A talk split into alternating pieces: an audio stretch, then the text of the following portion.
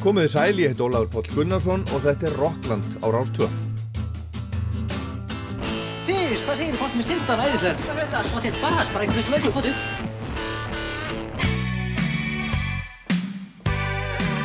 Það er ekki nema sangjant að helmingurinn af andvirði miðana verði greittur aftur. Sangjant er afstætt úrtak, Sigur. Er það ekki sangjant?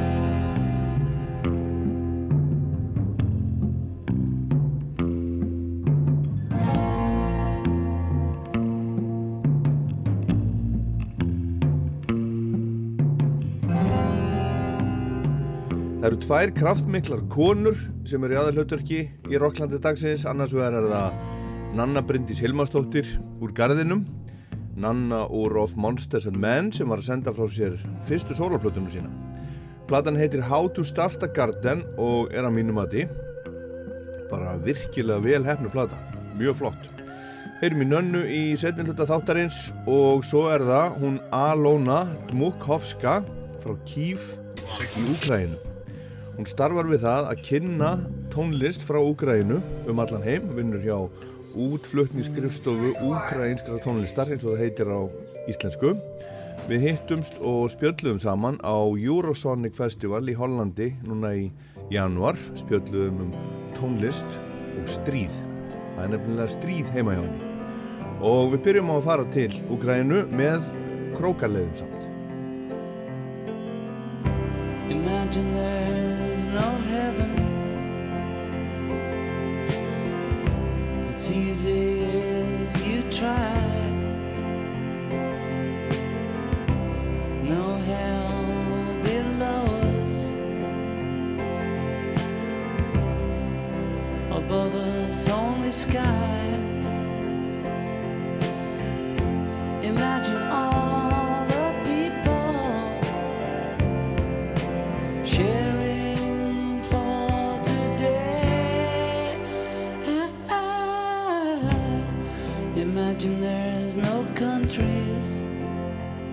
Þetta er auðvitað Imagine, lægið hans Lennons, það sem sungið er um frið á jörð, bara ef við losnum við trúarbröð og þjóðríki og það allt saman. Og þetta er ekki útgáðan sem við heyrum oftast heldur þetta fyrsta, uh, fyrsta takan af, af læginu. Þetta er Nicky Hopkins að spila á piano með Lennon og, og Alan White og trommur til dæmis. En þetta er eitt af lögunum sem voru flutt í Eurovision núna á dögunum á úslitakvöldinu þegar Liverpool mætti Eurovision eins og að köllu það. Liverpool meets Eurovision.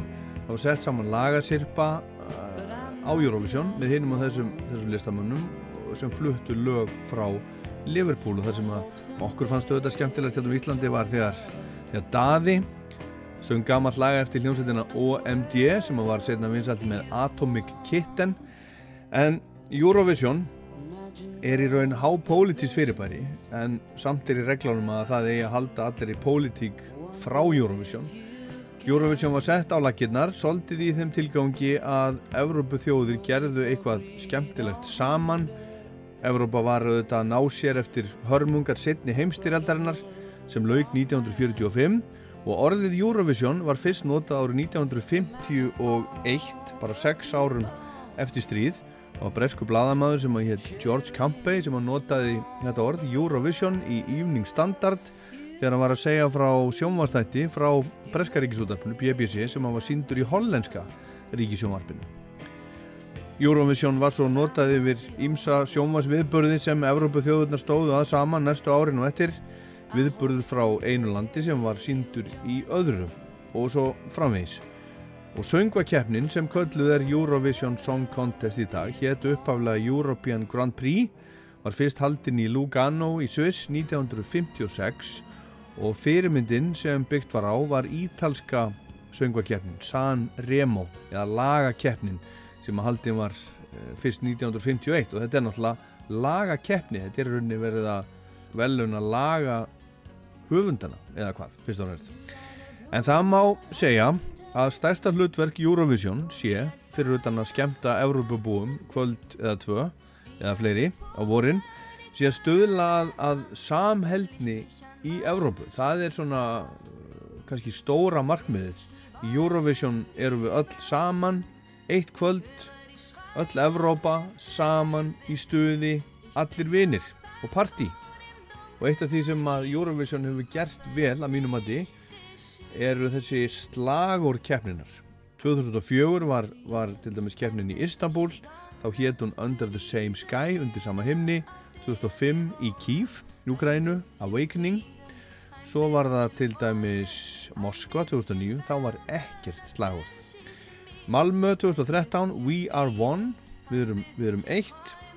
Kaupmannhöf 2014 Join Us.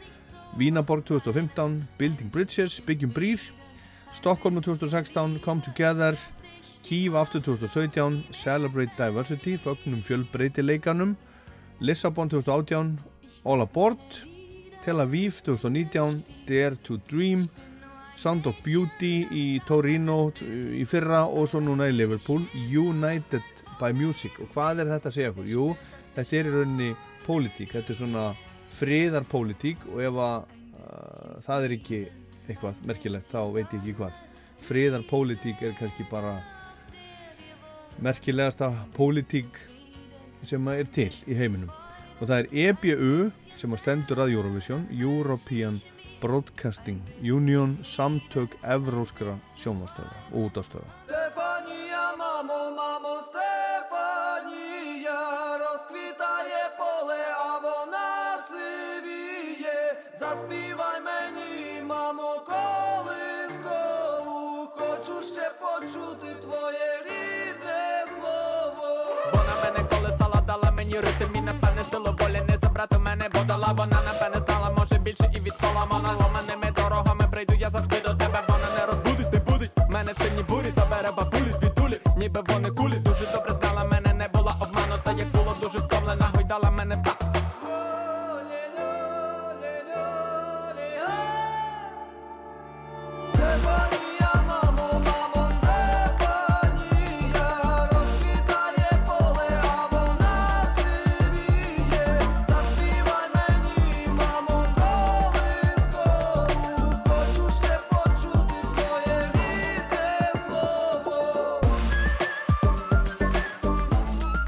Lægið sem sigraði í Eurovision í fyrra, lægið Stefania og úkrænska folk-rap hljómsveitin Kalus Orkestra.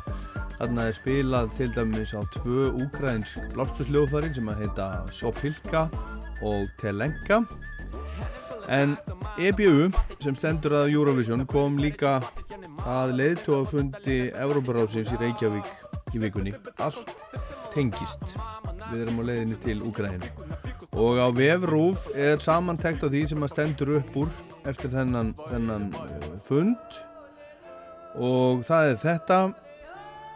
Selenski Úkrænufórseti kom ekki til Reykjavíkur en, en voni margra höfðu staði til þess. Ef ekki segja hann hafi haft í ímsu öðru að snúast.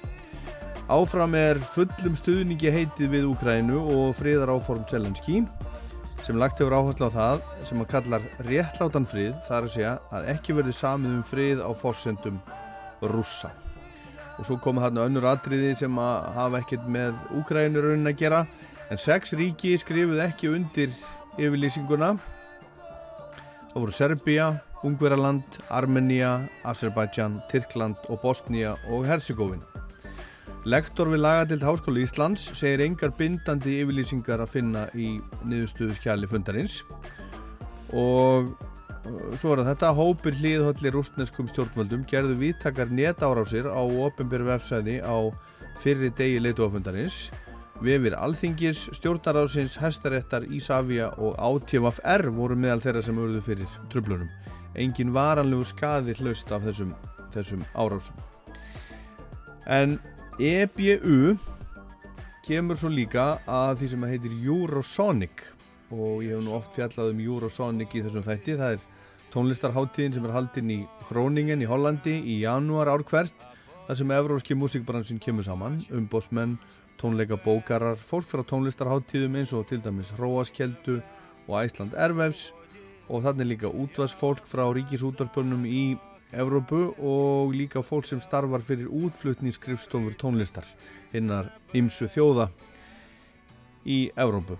Og ríkisútvarstöðunar þær eru rauninni með svona eitt atriði eh, sem að þær tefla fram.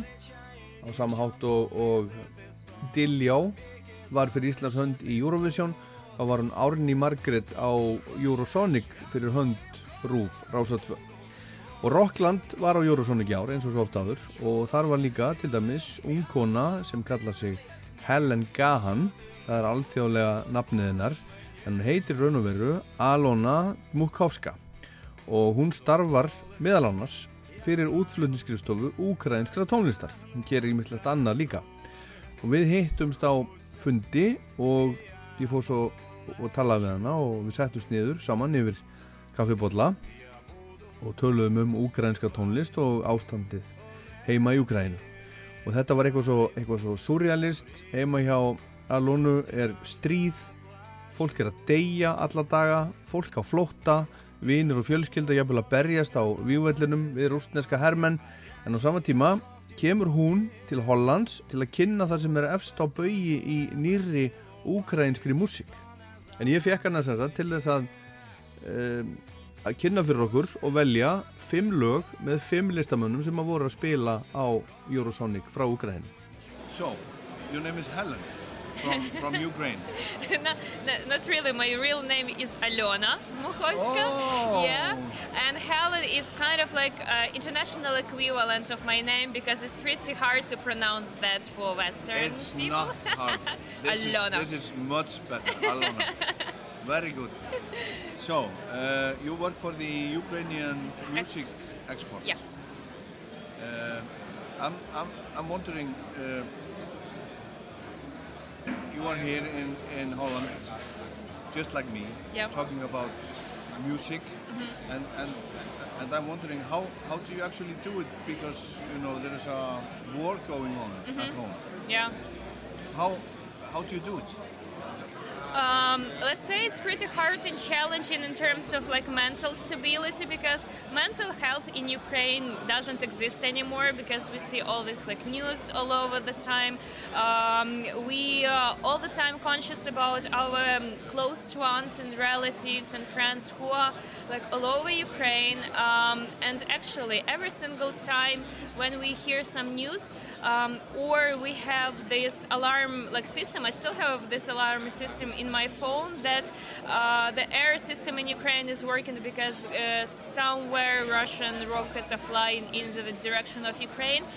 Every single time I understand that it might be the very last time for somebody I know or love, and this is like madness uh, mentally. Uh, but at the same time, I truly understand that people are super tired of the war. And actually, if we were talking about only negative stuff about our country, uh, it would be too depressive for us and for you as well.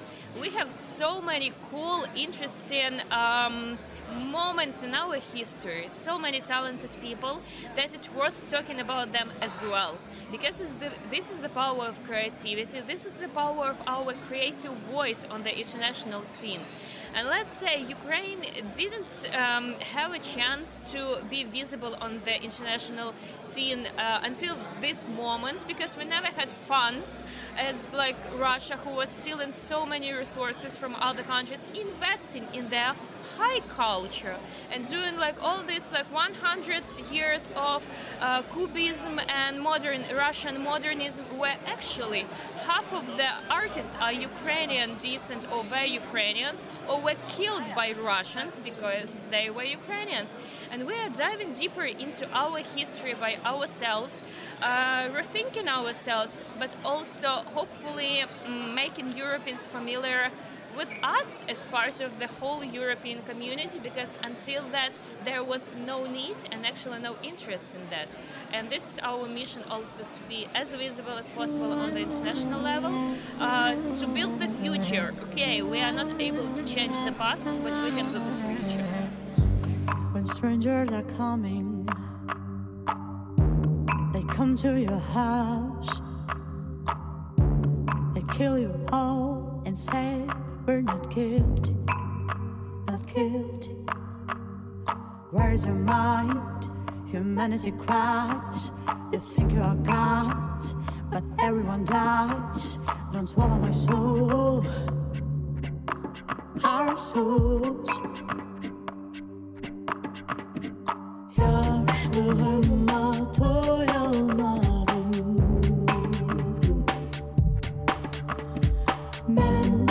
it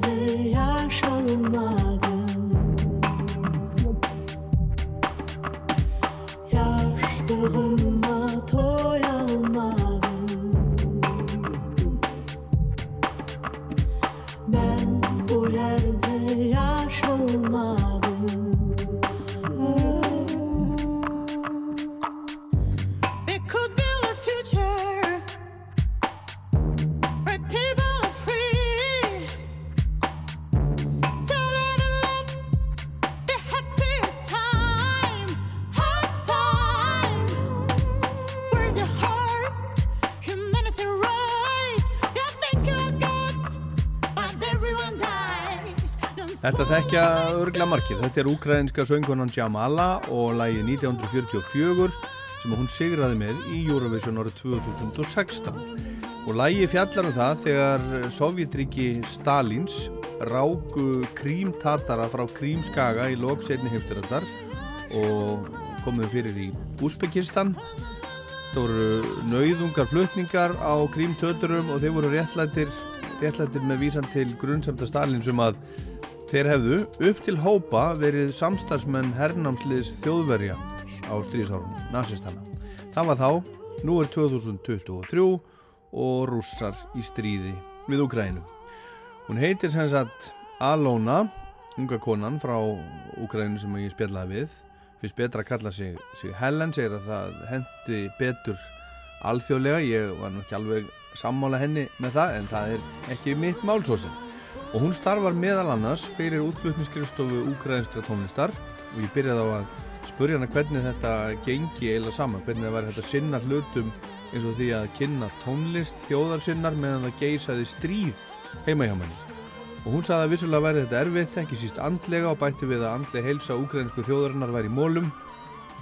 Það þekkja allir fólk sem hefur annarkort særst alvarlega eða látist í átökunum og hún Alona er eins og svo margir íbúar Úkrænu með loftvarnar app í símanu sínum sem fer á stað og lætu vita um leið og eitthvað á flugi, sprengjur, drónar, flögar koma inn í lofthelgi Úkrænu og þegar þetta fer á stað hugsar fólki til ástjörnu sína kannski mun ég aldrei aftur sjá þennan eða hinn á lífi og þetta er þetta brjálaði að lifa við, segir hún Alona.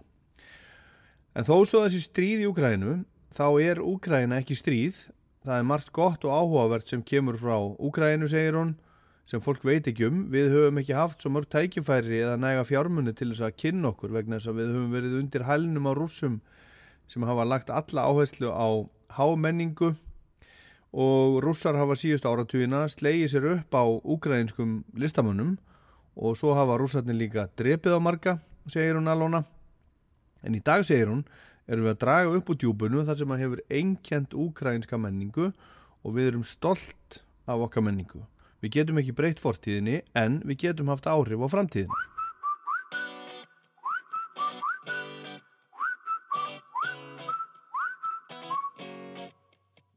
палаючи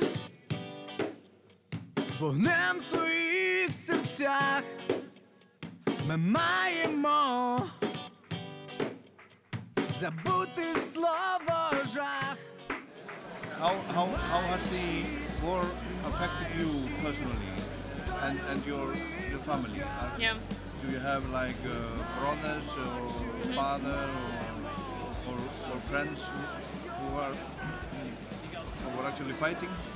Yeah, so actually, every single uh, family in Ukraine at the moment, uh, we have somebody who uh, in the army at the moment, or unfortunately, they were shot or killed by Russians because it's like the the constant fight. Now it's all um, it's uh, one year uh, of the constant fight, and if we don't hear something in in the news, it doesn't mean that uh, it's not existing. Like really, people are getting um, like wounds and actually they're getting like killed every single day.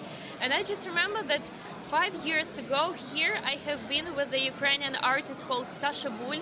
Very cool singer songwriter very americana uh, stuff. He was showcasing at eurosonic and now sasha is in army. And actually um, there is a cool fund in ukraine called uh, musicians defend ukraine. These are the people we know from the music community and they're collecting money for protective gear for the musicians and creatives actually who are fighting at the moment. And um, okay it was five years but how um, it changed uh, the whole situation for our artists as well because a bigger part of them are whether in the army or they are volunteering because actually this is the duty of every single Ukrainian to fight against the pure evil and we feel this responsibility. It's not like that that Western countries should give us weapons. Yes, they should give us weapons because tanks are fought against tanks. You can sing as many songs as you want, but if you don't have the weapons, you you will never fight against those like heavy weapons from Russia. But also, um, our artists, most of them. They are not singing songs at the moment and not writing music because they're being um, like sent to those regions which are in danger. And uh, for a year, they have uh, they have uh, their talent stolen and their opportunities stolen from them to develop. That's why, on one hand, we need to remember about that and support them as much as possible with every um, possible way, but also the ones who can come here to Eurosonic, for instance, um, and be vocal and play tours, uh, collect some money for charities uh, and donations in Ukraine. We have to support them as well because, again, Ukraine never had the opportunity to be visible on the international scene. That's why now we really address the European community to feel that we are in this together and invite uh, Ukrainian bands for your festival. Possibly it will be super high quality and unknown for you, but it's going to be the discovery as well.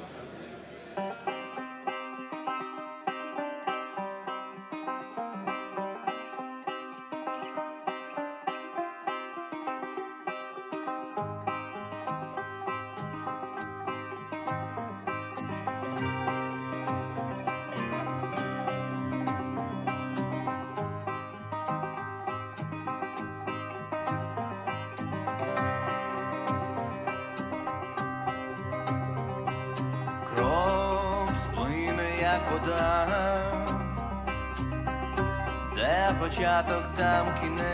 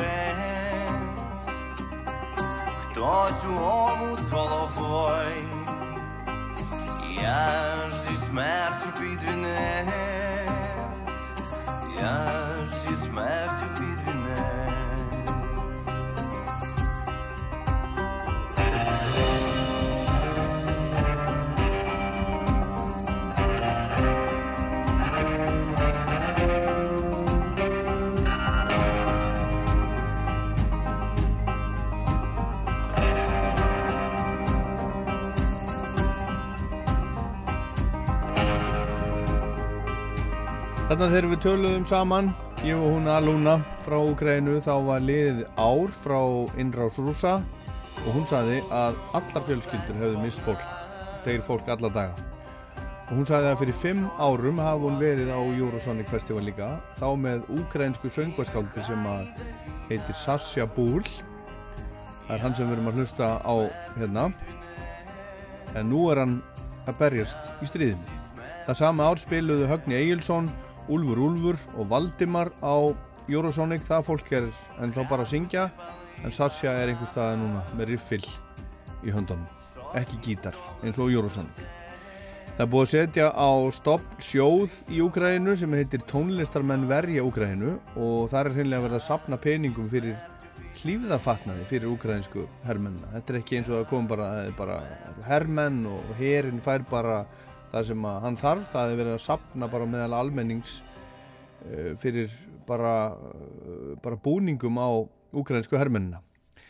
Og maður berst ekki með því að syngja lög heldur berst maður við skriðdrega með skriðdregum, segir hún alvona og hún var á Eurosonic til að kynna tónlist frá Ukraínu og hvetja Evrópu til þess að bjóða þeim ukrainsku listamönnum sem að eru að spila og eru ekki að berjast í stríðinu á tónlistarháttíðunar í Evrópu.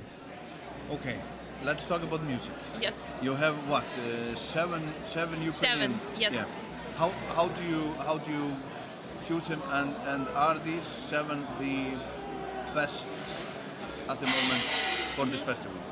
They're definitely uh, having this hype at the moment and having this momentum because this is one of the criteria why Eurosonic is choosing them. Uh, we are all the time working with the organizers together because uh, they know their events, they know their audience, and actually they can really um, help us to uh, understand who is the most interesting for the European audience at the moment. Uh, Eurosonic has the open call, so uh, basically every single band can apply. Uh, after we get this like uh, long list, we recommend the top 10, I don't know, 15 artists who has the team, who has the momentum, who has a fresh um, album or something, or tour coming up. So actually, they can use this uh, opportunity and this moment to come to the uh, showcase festival, showcase their art, and have um, more opportunities and develop their career in general. So there are a lot of components, but anyways, it should be strong artists and cool material. Okay, and now you were gonna introduce to us Yep. in Iceland Yes. from Ukraine five artists, five songs Yes. that are playing Eurosonic this year. Uh huh. And let's start with one, number one. Yeah, so I will go uh, for the first band called uh, Love and Joy. This is um, a surf rock band uh, from Ukraine, and actually the guy from the lead singer Anton, he's from Yalta, from Ukrainian Crimea, and he has this like sunny vibe of. Um, being very easygoing, uh, nice person. So this is the kindest rock music you can ever imagine. And they have released a very cool album uh, just uh, last uh, year called Half Home. And it was kind of like very interesting to see how they have written the material before the war started, but now because of the fact that they're living in uh, Germany half of the time and half of the time they're doing touring, um, they have uh, no home at the moment, and this is how they say that uh, we have only half of that. And let's um, go with the Reinvented Wheel from that uh, album as the first music choice for today.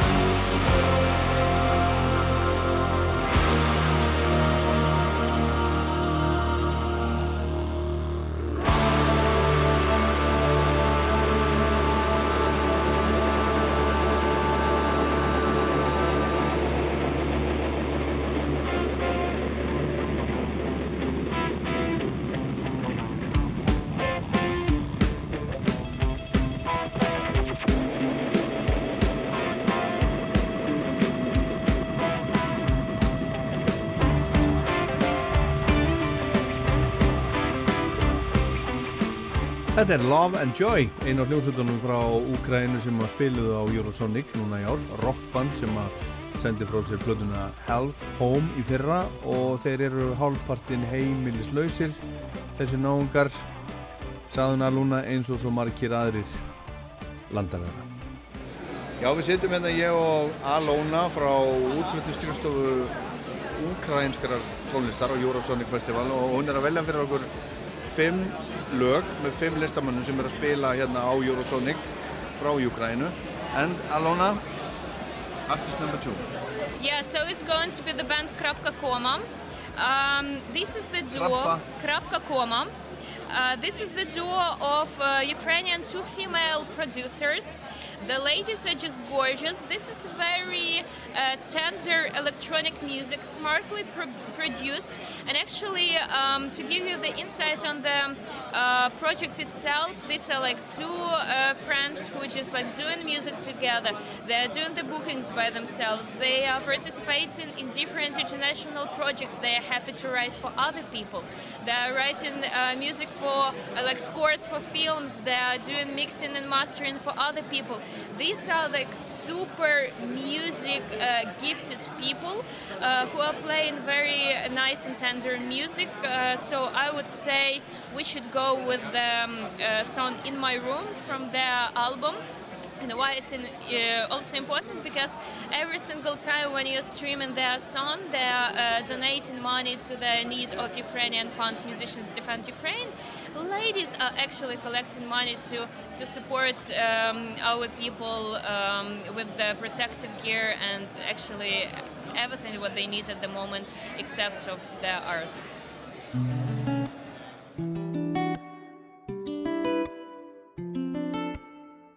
I just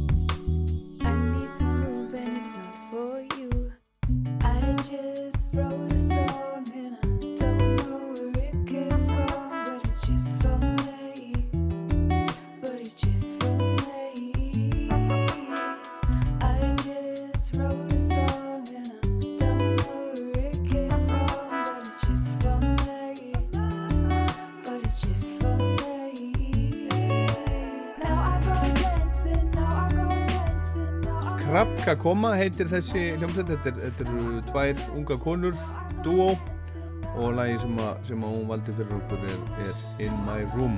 Hún Alona, hún valdi þetta. Og þetta eru bara stelpur sem að hafa verið að hlusta til dæmis á Bonobo og, og Radiohead. Og búin að, senda frá sér slatta af músík. Meiri músík, Alona. Yeah, so definitely you should uh, pay attention to Jerry Hale. She was nominated for the Music Moves Europe Awards this year, and actually, um, yesterday she had won the Public Choice Award. Um, and I'm super happy for her because she's an extremely talented um, artist. I call her the mem queen of Ukraine because she can find that exact like scandalous story in Ukrainian media, make a fun song about that and go viral like hell. Uh, but also she has uh, other side of her like serious personality. She's diving deeper into Ukrainian roots, trying to learn how to uh, work with folk tradition and like this um, very historical nuances of our um, uh, like music. And she's actually studying now in Berkeley in the U.S. So I'm pretty sure you will hear of this lady uh, on the international level um, really soon because she's great. And let's go for um, her um, one of the hit songs uh, called uh. Uh, but be aware that it's written in Cyrillics that you will need to Google that. Hérna var hún Aluna að segja ykkur frá henni Jerry Heil sem við heyrum í næst sem var að spila á Eurosonic. Hún er ungkonna frá Ukrænu.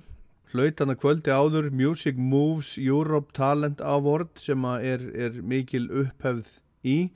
Uh, svona, þetta er svona uh, velun fólksins, áhuga fólks um tónlist út um alla Evrópu og hún er þekkt fyrir að vera svona svolítið, svolítið beitt hún er að syngja um hluti sem skipta máli hún er pólitísk og hún er í dag í Berkeley tónlistarháskólanum í Kaliforníu og Alona býst við miklu af Jerry Heil í framtíðinni У мене нема часу на любов.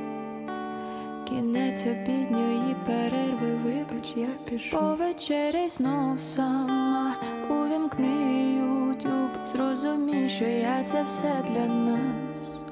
А за вікнами зима підгорає суп, та невже вогонь між нами згас?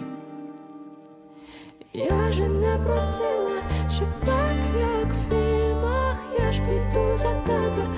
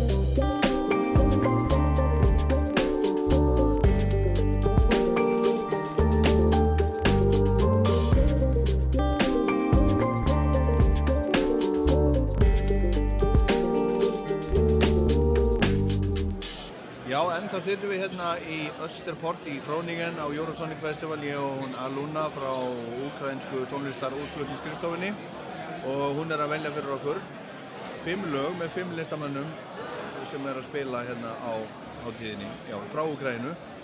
And Aluna, we are, we are to artist number four. Yes.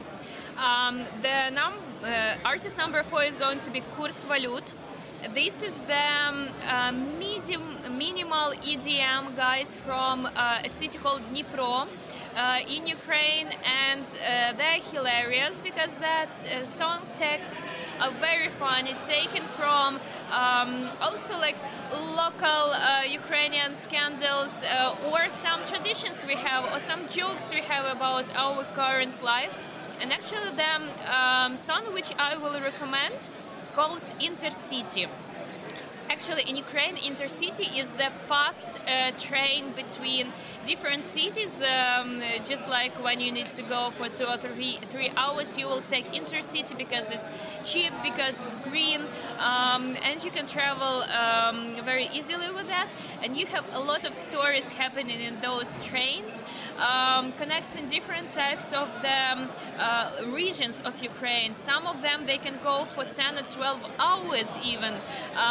And you have the scenery changing. You you have mountains here, you have forests already there, and uh, you can make friends even uh, being in that um, like sleeping wagon. We still have sleeping wagons in intercities, um, and this is kind of like very um, friendly way to approach people and also just to have the small talks and being open because Ukrainians are actually very open and um, this is our tradition just also to to bring some uh, some sweets uh, for this intercity train and just travel and make it as enjoyable as possible for the other people traveling with you as well.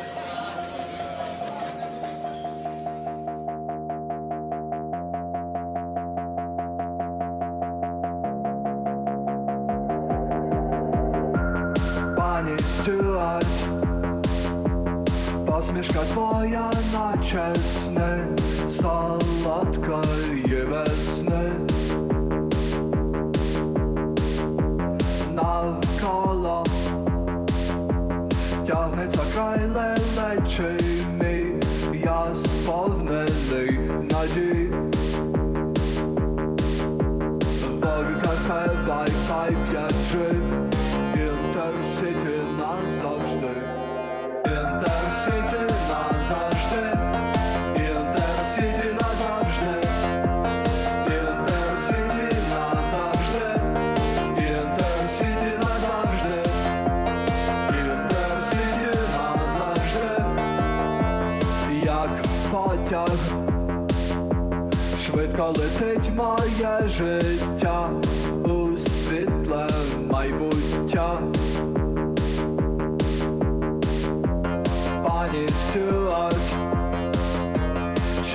Zapajacych czesnot Skanujmy QR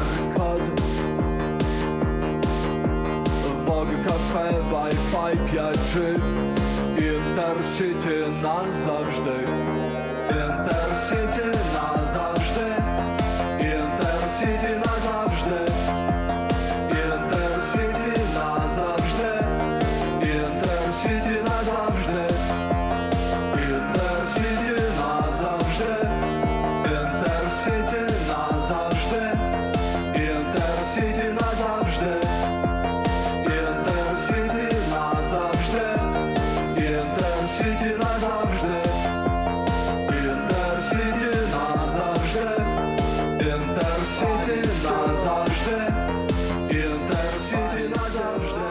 hljómsveit frá Dnipro í Ukraínu, Electro Duo sem voru starfandi síðan 2017 og heitir Kurs Valut.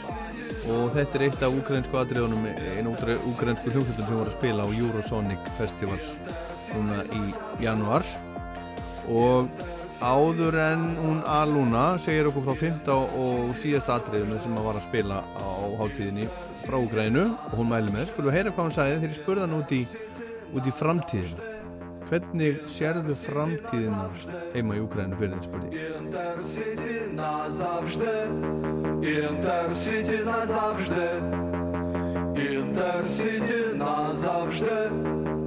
Um, it's hard to predict, but I'm trying to stay positive because I want to believe that um, the truth and something rightful will, will uh, win over the evil. And this is actually our duty to make it happen. And um, I really believe that humanity knows how to learn from own mistakes and um, will be able over the next, I don't know, couple of months, years. Unfortunately, it can be years, but to protect the democracy and um, really support Ukraine in all possible way. Uh, because uh, if Ukraine fails, the whole Europe will fail, and actually, unfortunately, you can be the next ones. Uh, because um, I have seen a lot of um, like pity and people are sorry about the situation, but I haven't seen um, much um, eagerness of justice in Europe. And the peace is impossible without justice, unfortunately. So I would like really um, that the justice was the uh, rule for the whole um, world community and we we could meet with you next time here at Eurosonic discussing just music industry and creative stuff rather than uh, social collapses and war.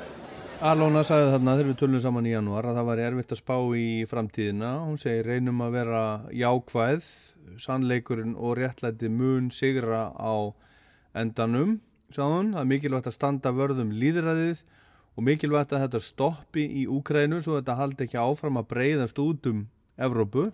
Hún segist hafa orðið vörfi mikla samkend og vorkunsemi en stríð eru ekki unnin með því, það þarf réttlæti og friður er ekki mögulegur án réttlætis því miður. Réttlæti og friður eru grundvallar hugtök fyrir framtíðheimsins og hún á sér þann draumi brjósti að næst þegar hún kemur á þessa tónlistarháttíð, Eurosonic Festival í Hollandi, getur hún einbeitt sér að því að tala um skapandi hluti, tónlist en ekki stríð og hörmungar. The last artist is going to be Daria Kolomiets, and actually she's playing a um, DJ set today. She's a DJ, and she uh, she is uh, discovering uh, the music of Ukraine from 60s and 70s. We even have the code name of that era called Mustache Funk. Because actually, yes, it was like funky, very soul-y, very cool, um, uh, fresh uh, pop and rock music written uh, at those times uh, when actually Beatles were like big. And if that um, scene could develop in Soviet Union time and wasn't killed or banned like it was uh, after Brezhnev um, uh, have found out that oh something strange is happening. They're being invited to play in Canada. They're playing like 300 concerts in um, in one season. How is that possible? That's a bad influence on Western culture. We should ban it and for decades and decades it was like a hidden story of Ukrainian uh, music and that is doing a great job going to archives uh, going to different types of flea markets to find the most rare vinyl you can uh, ever imagine. And she's going to play the best set today and I will send you some uh, examples of her work as well. I really hope you will enjoy it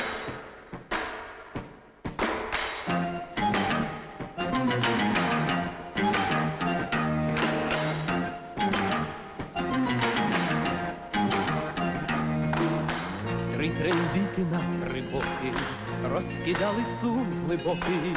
Трембітаю, трембітаю, туруруруру. А я піду, я піду на четверту сторону, на дорогу на широку, може ми виперемо. А я піду, я піду на четверту сторону, на дорогу на широку, може ми виперемо.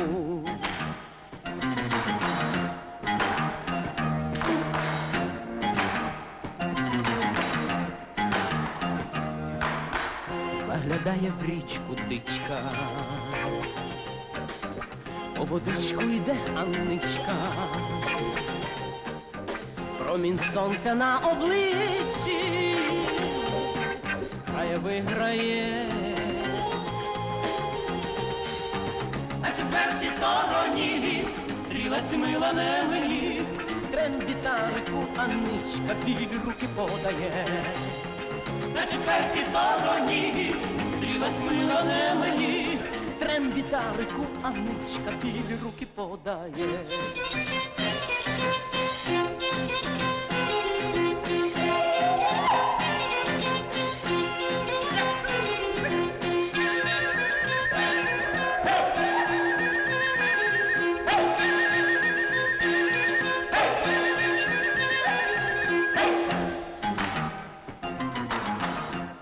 Þetta er gamalt, þetta heitir Via Kopsa, þetta er hljómsveit, þetta er úr sjónvarstætti frá 1974 þegar sjónvarpið í Úkrænum var svartkvít en hún er duglega að spila svona músík, hún Darja Kolomiek sem er DJ, hún, hún spilar dansmúsík, disco og ímislegt og flettar inn í svona gamalt úkrænst pop. Hún er 34 ára frá Kív og hennar hlutverk í dag er að spila músík, músíkanara, úkrænska músík fyrir eins marga og hún, hún getur. Og það er fullt af, fullt af svona DJ mixum með henni til dæmis á YouTube.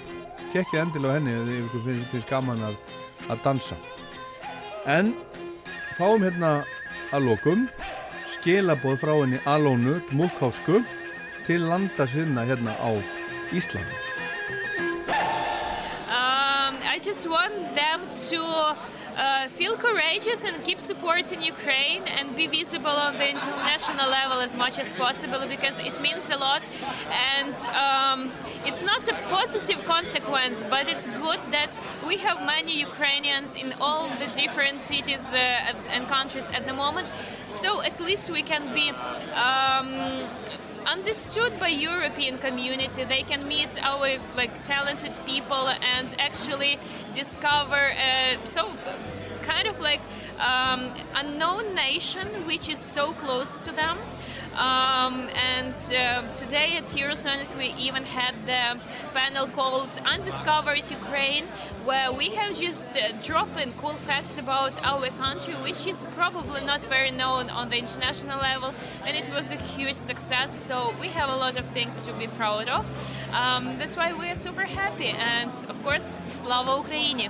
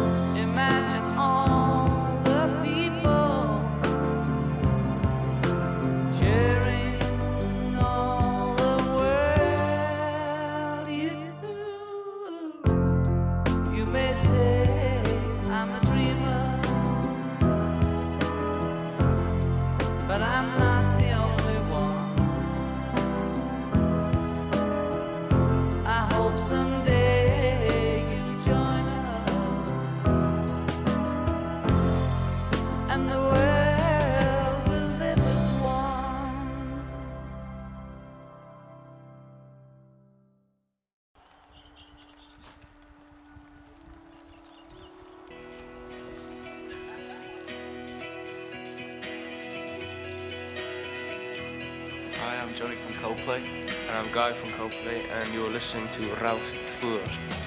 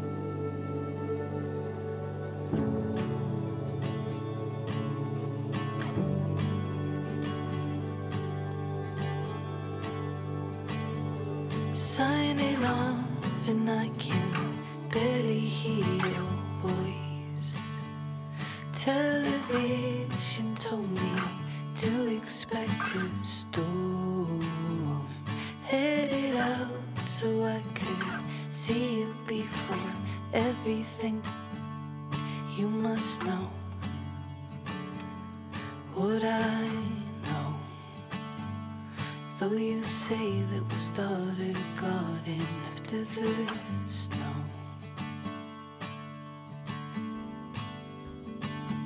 Suddenly I hear a creaking at the door. And I don't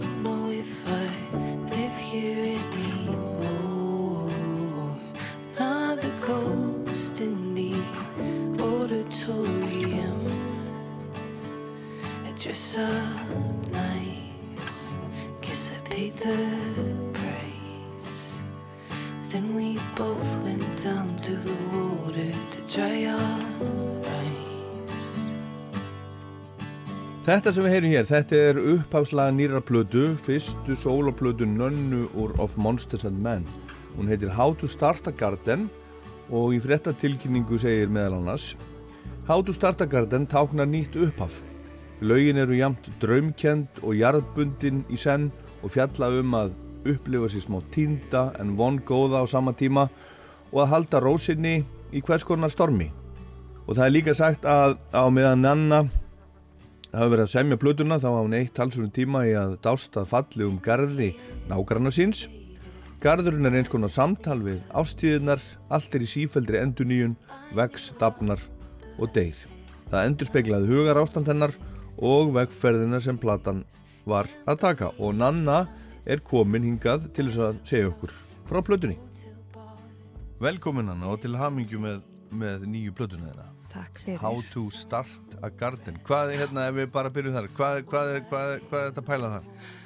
Já, sko, how to start a garden. Mér finnst þetta bara svona, svolítið, svona falleg spurning kannski. Og svona, hún er, þú veist, ég er náttúrulega bara að spurja hvernig byrja maður á byrjurinni eða bara með afskaplega lítið eða eitthvað þannig. Já, er þetta svona, er þetta svona nýtt, nýtt upphaf? Já, nýtt upphaf og líka svona, þú veist, ákveðin svona von í þessar spurningu og líka ákveðin svona, hvað segir maður, svona, við, um, svona vulnerability út af því að maður veit ekki allt og það er svolítið fallegu staði, sko, til að vera á. En sko, uh, það sem ég hugsaði, hugsaði fyrst, ég nefnilega, sko, ég sá bara fréttatilkynningu fyrir, ég man ekki hvort það eru einhverja vikur eða mánuðu síðan, síðan ég sá að þú varir að gera sólarplötu. Mhm.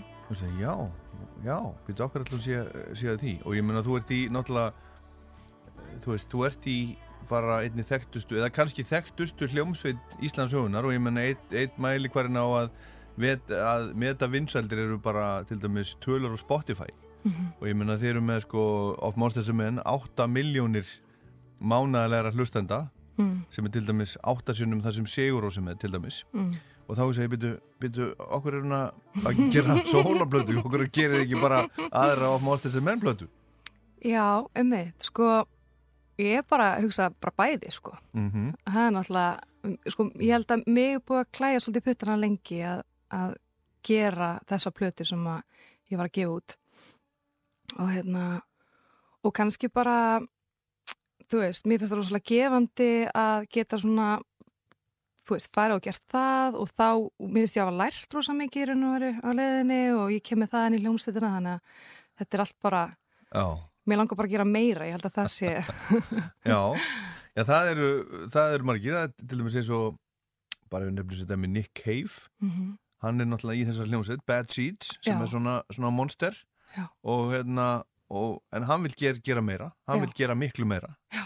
og hann gerir sóloplutur og hann gerir bíómyndamúsík og hitt og þetta þannig að þú ert bara, þú ert bara þar, þú vilt bara gera meira Já, ég er alveg bara þar sko. Mér finnst þetta bara, ég, hérna, já, mér finnst bara, ég mér bara svona klæra oft putana að gera hluti. Þannig að ég er bara svolítið að hlusta á það. Já, en hvernig er hún, sko, uh, ég er ekki búin að hlusta á hana mörgu sinnum, þannig ég þekki hann ekki alveg svona út á inn, en, en sko, en hvernig er hún í þínum huga frábröðin of Monsters and Men? Að því að ég meina, þú ert með náttúrulega sterk einkenni, ég meina, maður heyrir alveg, þú veist, það er þú hefur svona þín svona lagahöfunda einkenni og svo er náttúrulega rött mjög afgerandi. Mm -hmm, Sko, ég held til dæmis, um, eins og út að tala um rödd, ég held að, um, sko, þegar ég er með hljómsveitinni, Monsterskrökkunum, að þá, það eru svolítið læti í okkur, sko, og það er svolítið svona power.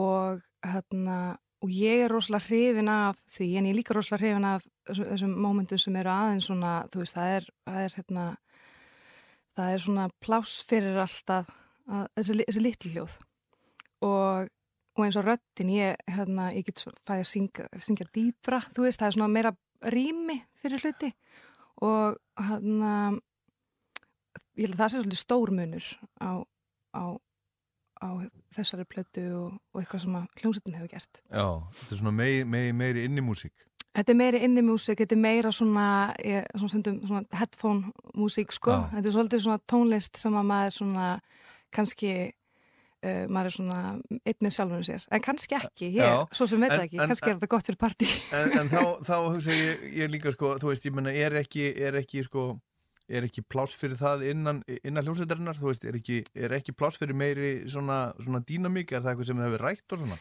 Já, sko við hefum eiginlega á öllum plötunum okkar, þá læðast inn svona nokkur lög sem að, þú veist, eru svona kannski róleri og, og, og það er oft ég sem að kannski kem með eitthvað lag sem að, þú veist, eins og það er Love, Love, Love og, og hérna Waiting for the Snow og eitthvað svona þannig lög sem að, sem að þurfa bara aðeins meira pláss. Mm um, en svo, þú veist, við sem hljómsut erum ekkit endilega til í að gera heila þannig plötu, þú veist, ég, það er bara það er aðri hluti sem að toga líka.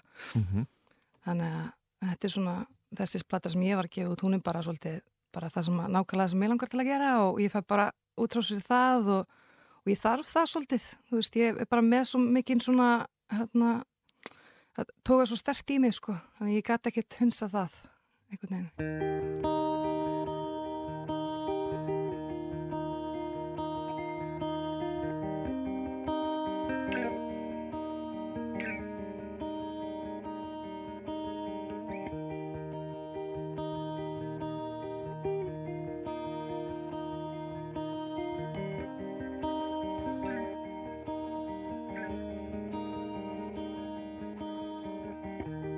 Hello.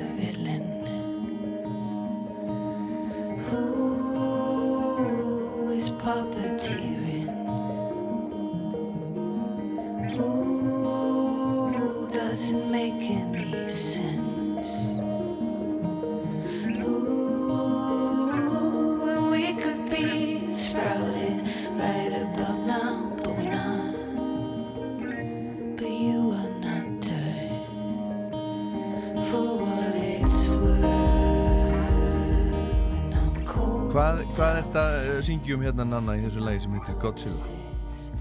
Godzilla sko um, Er þetta eitthvað skrýmsli?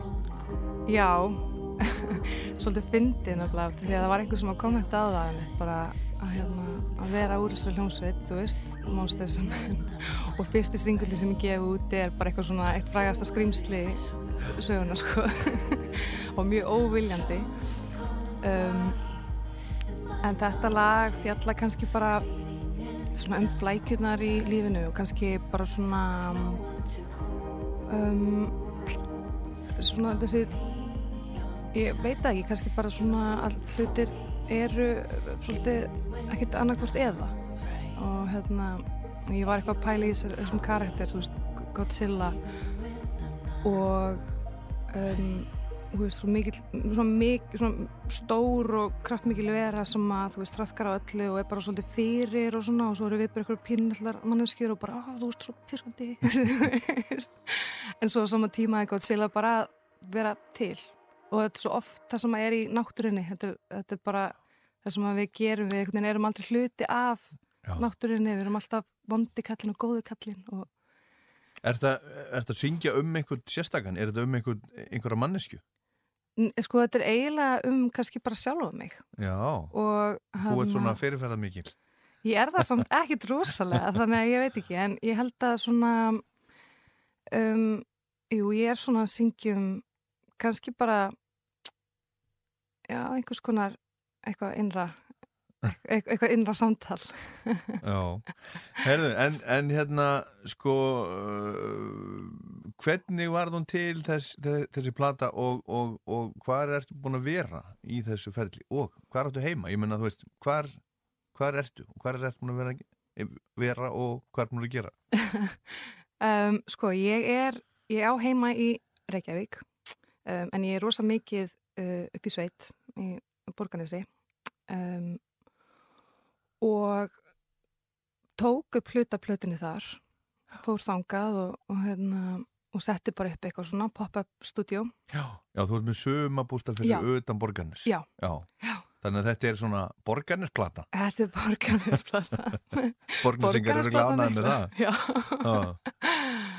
um mitt sko en ég var allan rosa mikið þar og hérna tókum, tókum margt þar og, og líka bara í stúdíónu og hljómsveitinni minni um, og svo fór ég út til Bandaríkjana og, fór hérna til Upstate New York og tók upp í tveimur stúdíóum þar en ég var bara svolítið að flakka Heim, heimsóttur Big Pink, það sem, að, það sem að Dylan tók upp. Nei, ég gerði það ekki er það það er Upstate? bara, það er bara, það er bara hérna, einhver staðar upstate New York það sem Já. að The Band og Bob Dylan unnu saman á þessum tíma það er bara, það er, það er legendary en, en hérna en þú ert heldur betur með, með hérna, flotta gauðra með þér Aron. Dessner úr National og, og, og Josh Kaufman úr, úr Bonnie Light Horseman Mhm. það er mikið, mikið uppáhald ég held, held mikið upp á það geggjaband sko. hvernig hérna hvernig uh, hvernig gerist þetta? Sko, þetta var, þetta gerði svolítið þannig að, veist, ég var búin að vera að vinna plötuna bara aðalega hérna heima og, og hérna, eða bara alveg hérna heima, segi ég, og hérna, og var svolítið, ég, ég var bara að finna fyrir því að ég þurfti kannski að komast aðeins út fyrir bara mitt eigið, þú Mhm. veist, og hérna, og fer þá bara aðeins að skoða í kringum mig og það er svona sameileg vinkon okkar sem að kynni mig fyrir Aroni Desner Mm -hmm. og þú veist, hún bara sendur hún tónlist og bara eitthvað, hei, þú veist, hún er að gera eitthvað, langaði að gera eitthvað með henni. Og hann bara eitthvað, já, geggja, gerum eitthvað saman, þú veist, og svo bara var eitthvað úr því og við hittumst bara og það var rosa gaman. Og það var svona svipa með, með, með Josh, sko. Um, og bara bæði þessi samstöru voru frábær og, og trúlega svona já, ég grætti mikið að því. Bara Já. svona, hvað ég, mér fannst ég svona læra margt og, og já Hvað, uh, hvað unnu þeir mi mikið með þér? Sko, þeir sem sagt um, ég co-prodúsaði tvö lög með Aroni og hann prodúsaði eitt. Þannig að það var þrjú lög af plötunni sem hann kom að.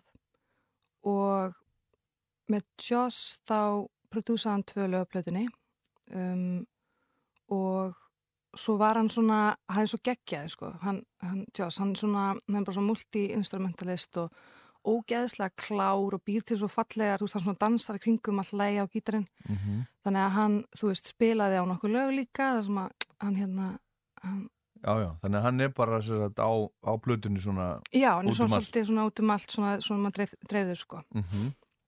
Já. En hverjir eru hérna, hérna aðrir með þér? Svo er Bjarni Þór Jensson Já.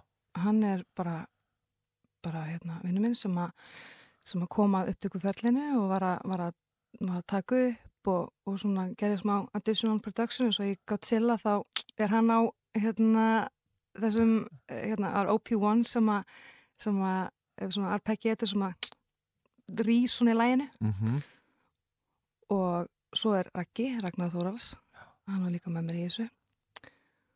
Um, og svo bara alls konar rosalega, þú veist, eins og Viktor Orri, Mhm. hérna, hann, hann spila á strengi og svo eru strákar úti, hérna Stuart Bóki og Dave Nelson sem eru á brass og þetta er bara svona, þú veist, samasapna af alls konar það eru bara, fólki bara hinir og þessir. Já, maður, fekk- maður er svona gætt hóað í nokkra góða Já.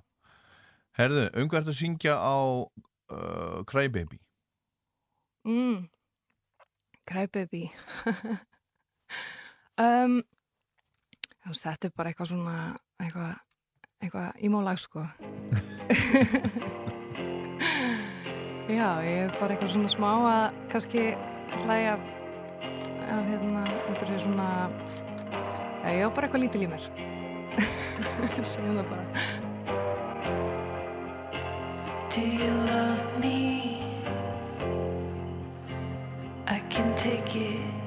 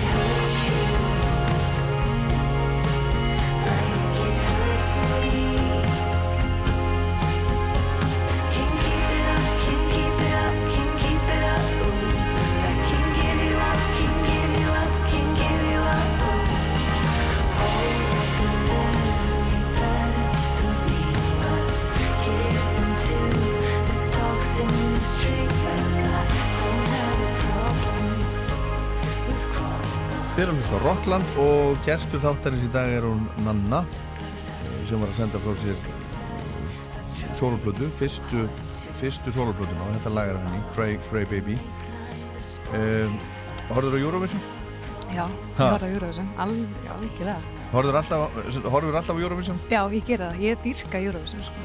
Ég veist þetta alveg bara snildar keppni. Já og, og uh, kustu? Nei, æ, ég, gerði það ekki. Mér fannst eitthvað svo erfitt þegar við vorum ekki með, sko. Ég horfði Já, og ég ákvaði að halda með Finnlandi. já, af hverju?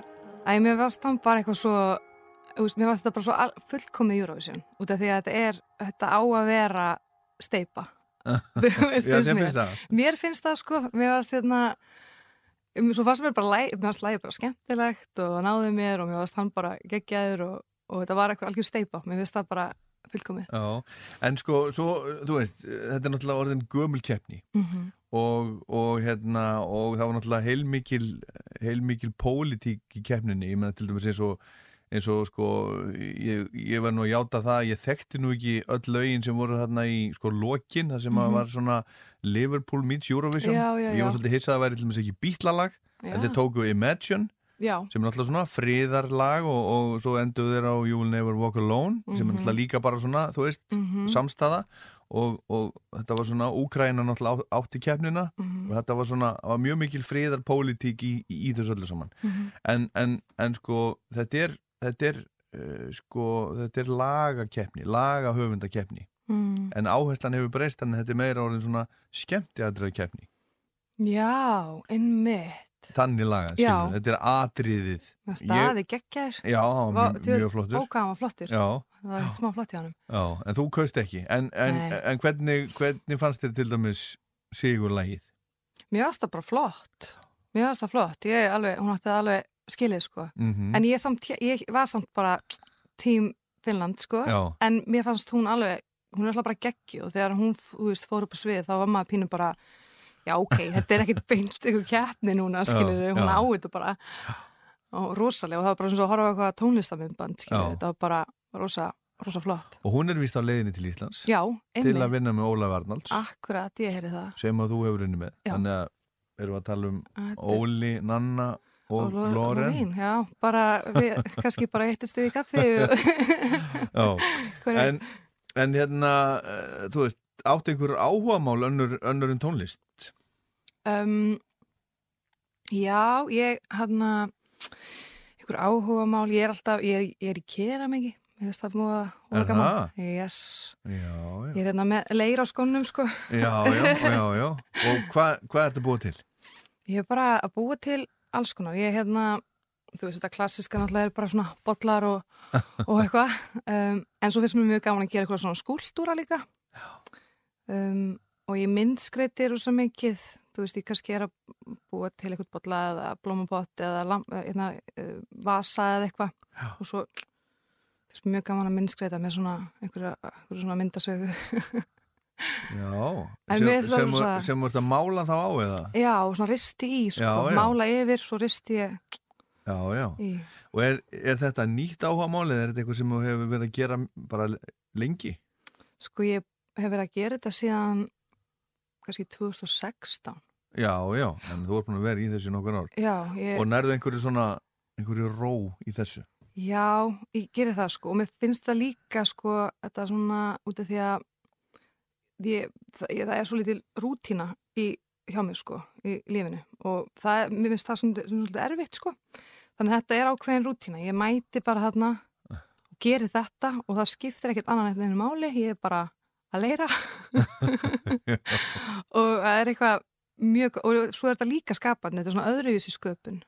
Svona, En, en svo, rútína, það, þú, þú meinar að lífið er, þú ert eh, í svona rútínu lífi? nei, ég, mér finnst sko, mér finnst að hafa- hafa Mér finnst gott að hafa rútínu. Já. Uh, því að uh, það er svona, stundum er mikið að gera og þá er bara, þá næg kannski að skapa rútínu í því, en stundum er minna að gera og þá, eða þú veist, þetta er bara svona, svolítið svona tónlistarlífið, kannski. Já. My tangled love,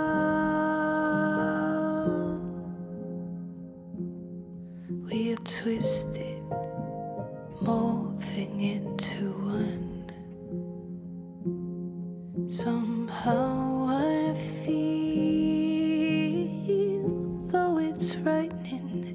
this is forever, eternal in and all. I cannot hold you, but it's harder to let you go than try. If you don't know if you can see in colors,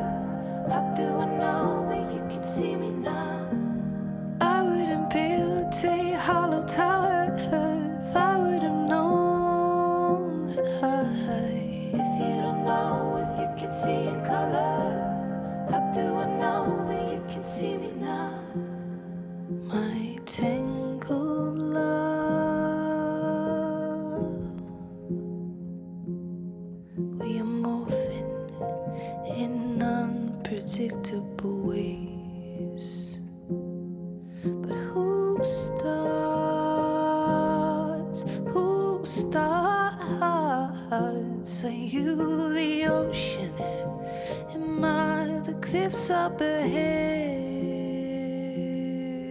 Er þetta erfitt? Ég meina, þú veist, reynir, reynir þetta á að vera í svona órútínu? Mm, sko já, ég, já, sko ég veit það, er góð spurning þetta er svona, þetta er kannski það er bara ógislega gott að hafa einhverju rútínu, ég held að allir geta verið svolítið saman að því sko, stundum ef maður er og svona, ég er mjög ég er mjög svona, hérna ég get alveg dúlað mér endalust sko það er ekki það, en hérna en Já, ég mér líður alltaf best þegar ég er með smá svona eitthvað, Hvernig ramma? einhvern ramma. Já, en, en sko, akkurat, ég menna sko að búa til lög og allt þetta, það er náttúrulega sköpun og þetta Já. sem þú ert að gera, þetta, þetta er líka einhvers konar sköpun. Mhm. Hvað, hvað, þú veist, af hverju, e, það, það, það, það talað um sko sköpunar þörf, Mhm. hvað, hvað er þetta? Hvað er þetta, já? Sko, hann að ég bara veit það ekki, en það er náttúrulega klálega með þetta, þetta er svona einhver, einhver þörf. Maður er alveg svona, þetta, er bara svona, þetta er eins og að þurfa að reyfa sig eða eitthvað, eða skilur, þetta er bara svona að maður fær eitthvað útrás. Ég finn þetta alveg svona, getur búin að búbla svolítið upp í mér ef, að, ef ég sinnus ekki ná lengi og bara svona, kannski líka svona, ég missi smá tengslin við sjálfa mig ef ég er ekki að sinna þessari hlið. Um, þannig að maður þarf að, og það er kannski kemur aftur hérna rútínu út af því að þú veist það að vera búið til plötu þetta er alveg, þetta, maður þarf að vera rosalega skipulagður og, og hérna og vera svona, svona stanslust að og maður veit aldrei hvernig þetta er beint búið eða hvað, þú veist svo, þannig að þetta er, þetta er svolítið Já. snúið Já, er það ekki mitt svolítið erfitt, ég menna að, að vera í stúdiói Mhm. og, og þú ert þar og það er verið að gera eitthvað og það er kannski lítið að gerast og, og fólk hugsa að byrju, er ég verið búinn eftir tvo tíma eða sex tíma? Mhm. Er það, það stemningin? Já, svolítið sko, svolítið og hérna og þetta er, þetta er svona misbúst eins og þetta er eins og með, með strákanum sko, með, með ómamstrákanum að þá eru, höfum við reynd að búa til bara svona hálfgjört vinnu um eða það sem að er bara, ætlum að mæta klukkan tíu eða eitthvað og við erum bara búin klukkan fimm Já. þú veist og það er alveg svolítið heilbrygt og gott en svo stundum þá bara virkar sköpunar geðan bara alls ekki þannig Nei. og maður finnur bara ok, við erum að hætta klukkan fimm en það er allir bara í stuði núna Já.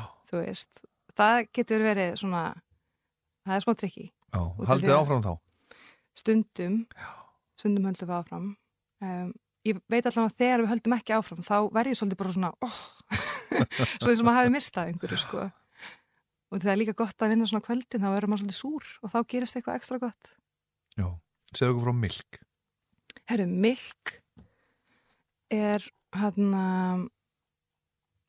það er svolítið skemmtilegt því að ég vann það lag með Aroni Desner og hérna og þegar ég fór til hans að þá ég var eða ekkert, ég, var komin langt að leið með plötuna mína. Og hérna og ég var eiginlega ekkert, ég fór ekkert með neitt til hans, svona, ég fór með eitt lag, ég fór með Crybaby og ég vissi að það var svona lag sem við getum unnið saman í en svo var ég svolítið bara svona, pff, svo bara sjáðu til. Mhm. og ég hérna, við fórum að fara ekki um gömul demo og þá kom lag sem að, hérna, poppaði upp lag sem að er í dagmilk en hljómaði þá allt öruvísi og þetta var bara svona lag sem ég var algjörlega búin að gefa upp á bátinn. Og við fórum bara að setja upp píanóið. Og hann svona, fór að spila það og hægði svolítið á því og svona og neða hraðið á því fyrir geðu og þá þurfti ég að hans að svona þú veist, aðlaga meldíuna, ég veit ekki, þetta var svona þetta var bara svolítið gaman, það var gaman að hitta einhvern og vera alveg komið ógeða einhverju hugmynd og viðkomandi er að nálgast þetta frá alveg bara nýjum stað og þá bara gerist eitthvað sko. Klikkar eitthvað.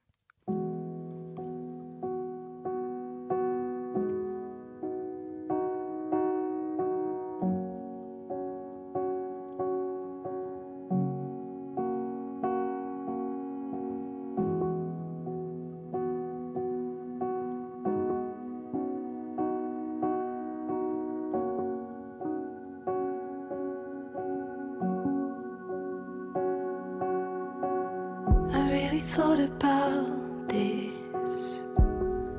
No, I don't say a lot, but this has been weighing on me. I couldn't help it. You've been so sure of it. Maybe I'll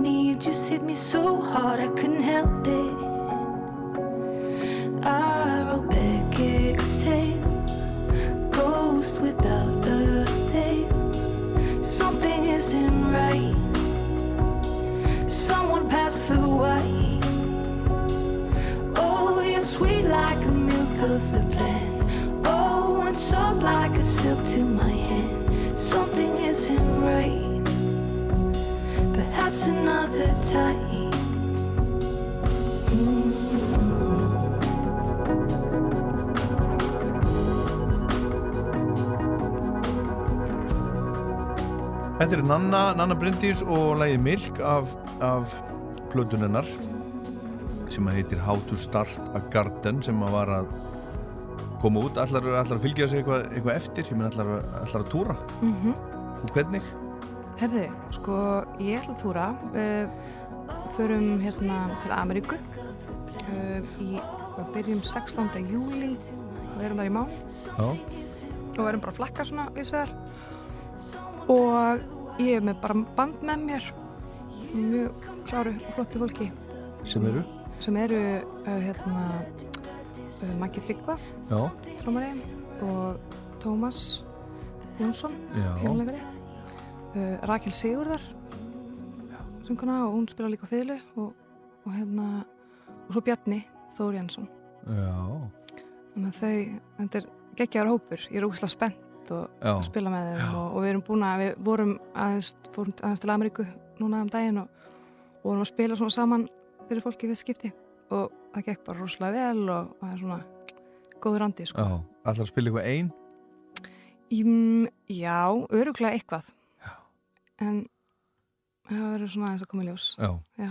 En hvað, hérna, hvað er að frétta af, af hljómsveitinni?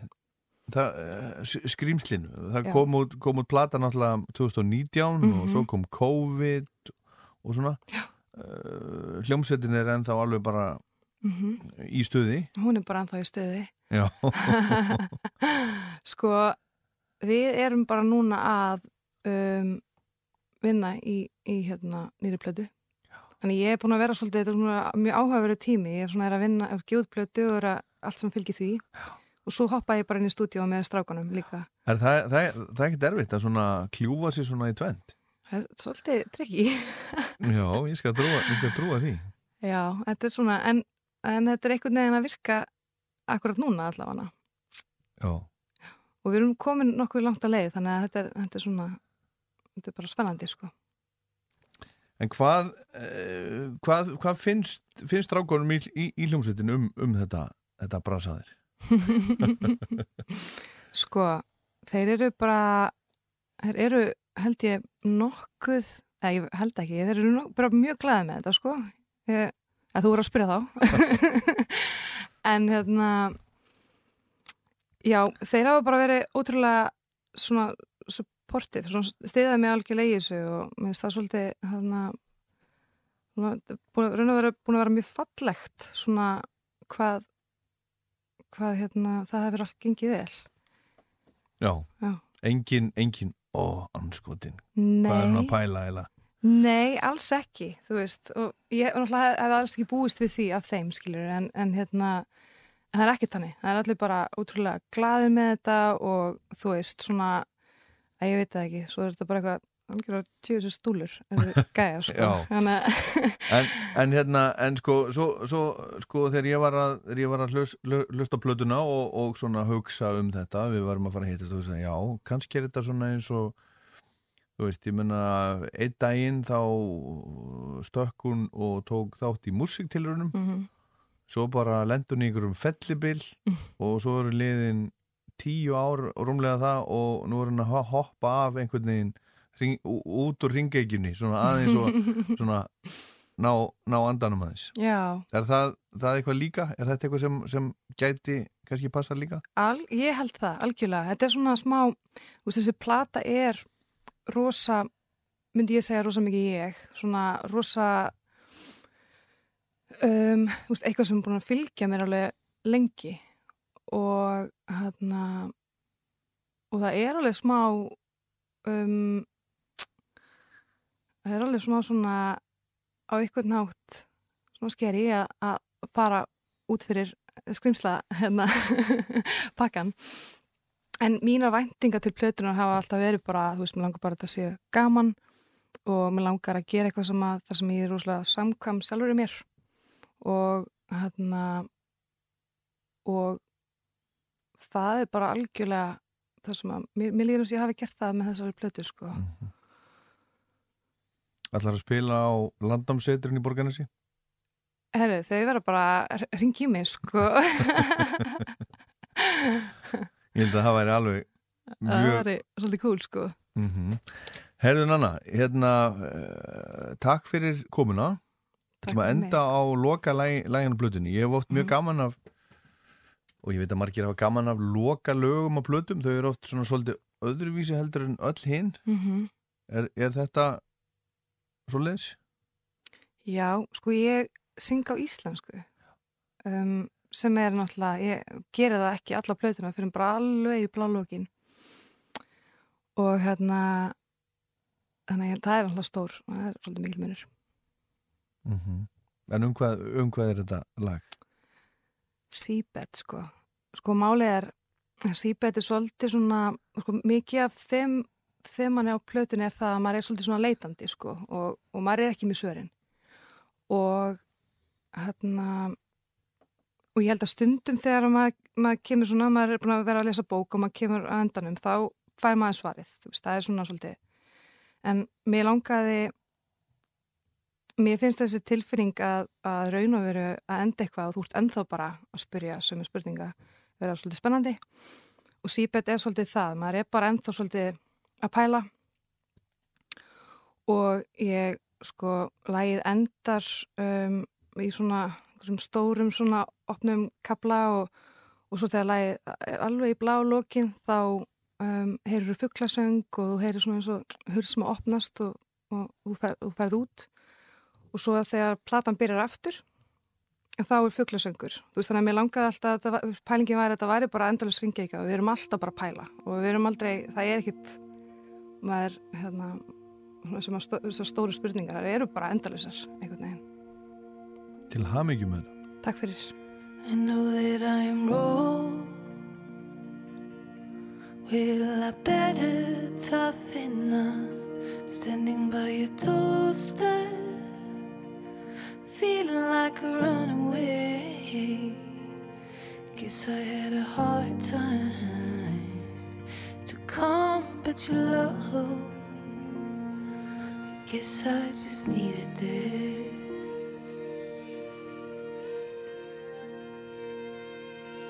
Will you just laugh it off? And you cut me off guard and I was never lonely But now I'm feeling like an only child Let me sink into your arms the ocean floor I guess I just needed that I guess I just needed that would you offer me affection? Turn off the light. Some things are so you and I. If I wasn't lost in the middle, just past your house, I'd say that it's nice that we're trying. Would you offer me affection? Turn off the light. Some things are clear in the night. If I wasn't lost in the middle, just past your house, I'd say that it's nice that we're trying. I know that I am wrong.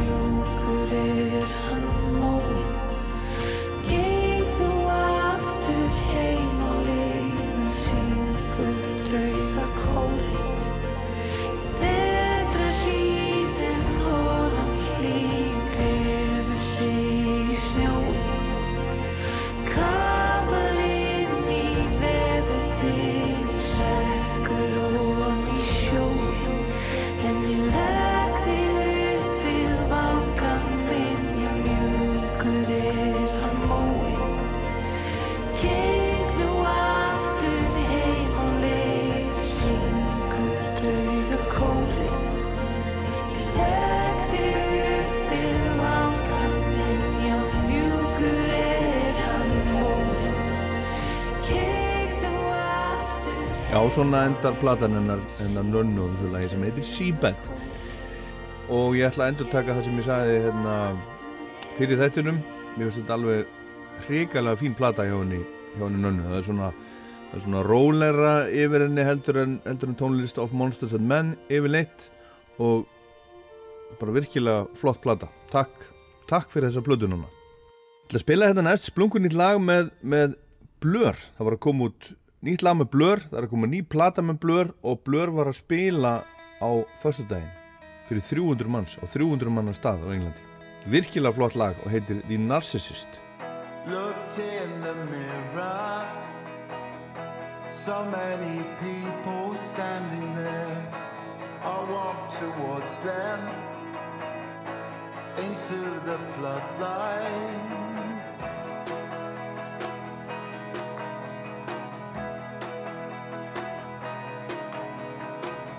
I heard no echo. There was distortion everywhere. I felt my ego. I felt Roberto standing there.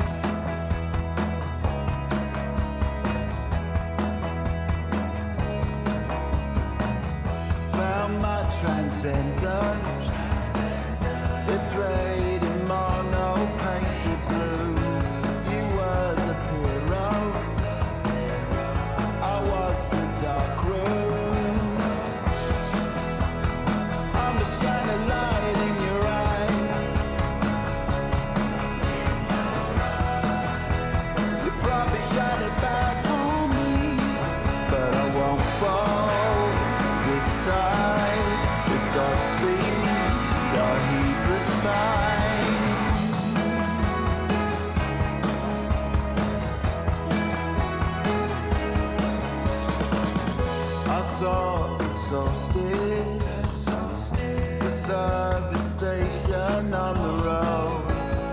took the acid under the white horses.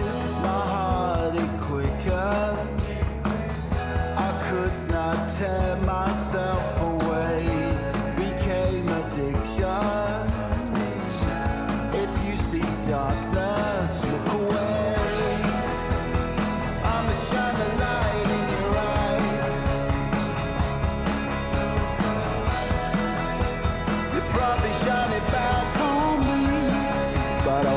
fall this time.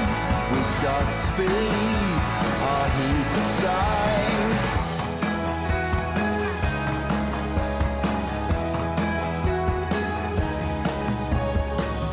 Oh, glorious world.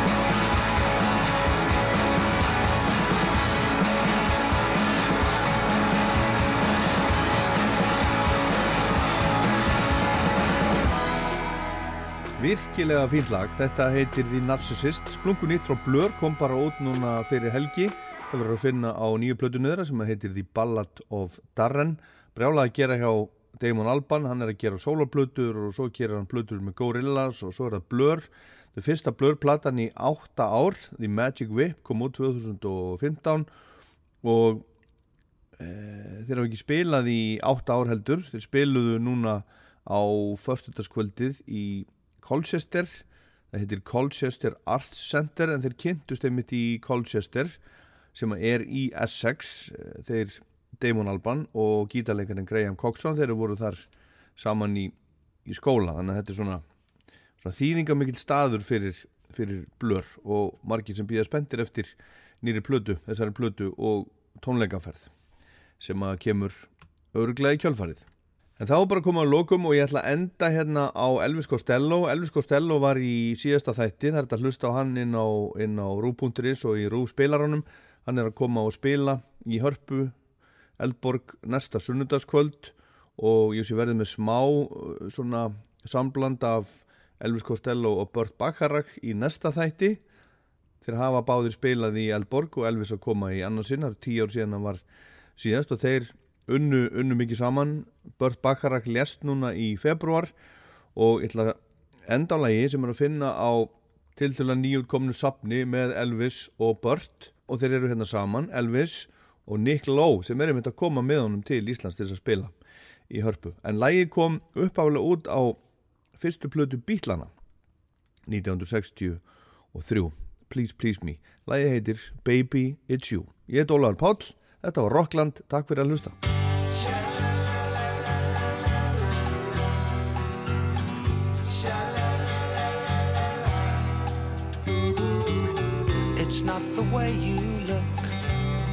that touched my heart. It's not the way you kiss me, baby, that tears me apart. Oh, oh many, many nights I try. I sit alone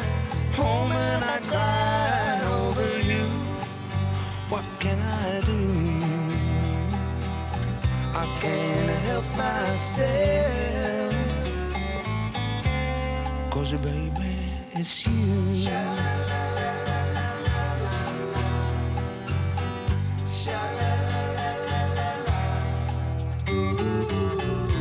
You should hear the things that they say about you.